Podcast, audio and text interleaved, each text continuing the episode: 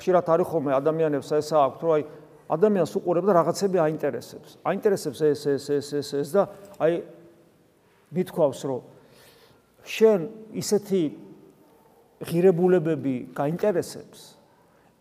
შენთვის ისეთი რამ არის ფასეული და ისეთი ღირებულებები, ფასეულობები, შეიძლება არც არის ღირებულობა და ფასეულობა, მაგრამ ისეთი რამ იტაცებს შენს გონებას, შენ შენი ინტერესების სფერო იქითკენ არის მიმართული.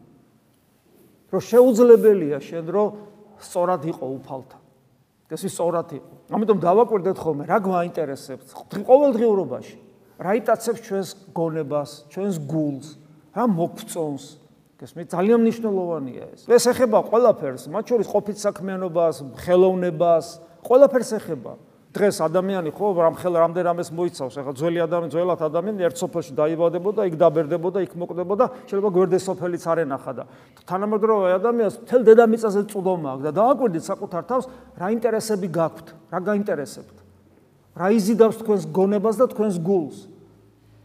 და შეიძლება აღმოაჩინო რომ ნუ რაღაც ისეთი რაღაცები გიზიდავს რომელიც არათუ ახლოს არ არის сахарებასთან, არამედ საერთო წინააღმდეგობაშია сахарებასთან, сахарების სულთან.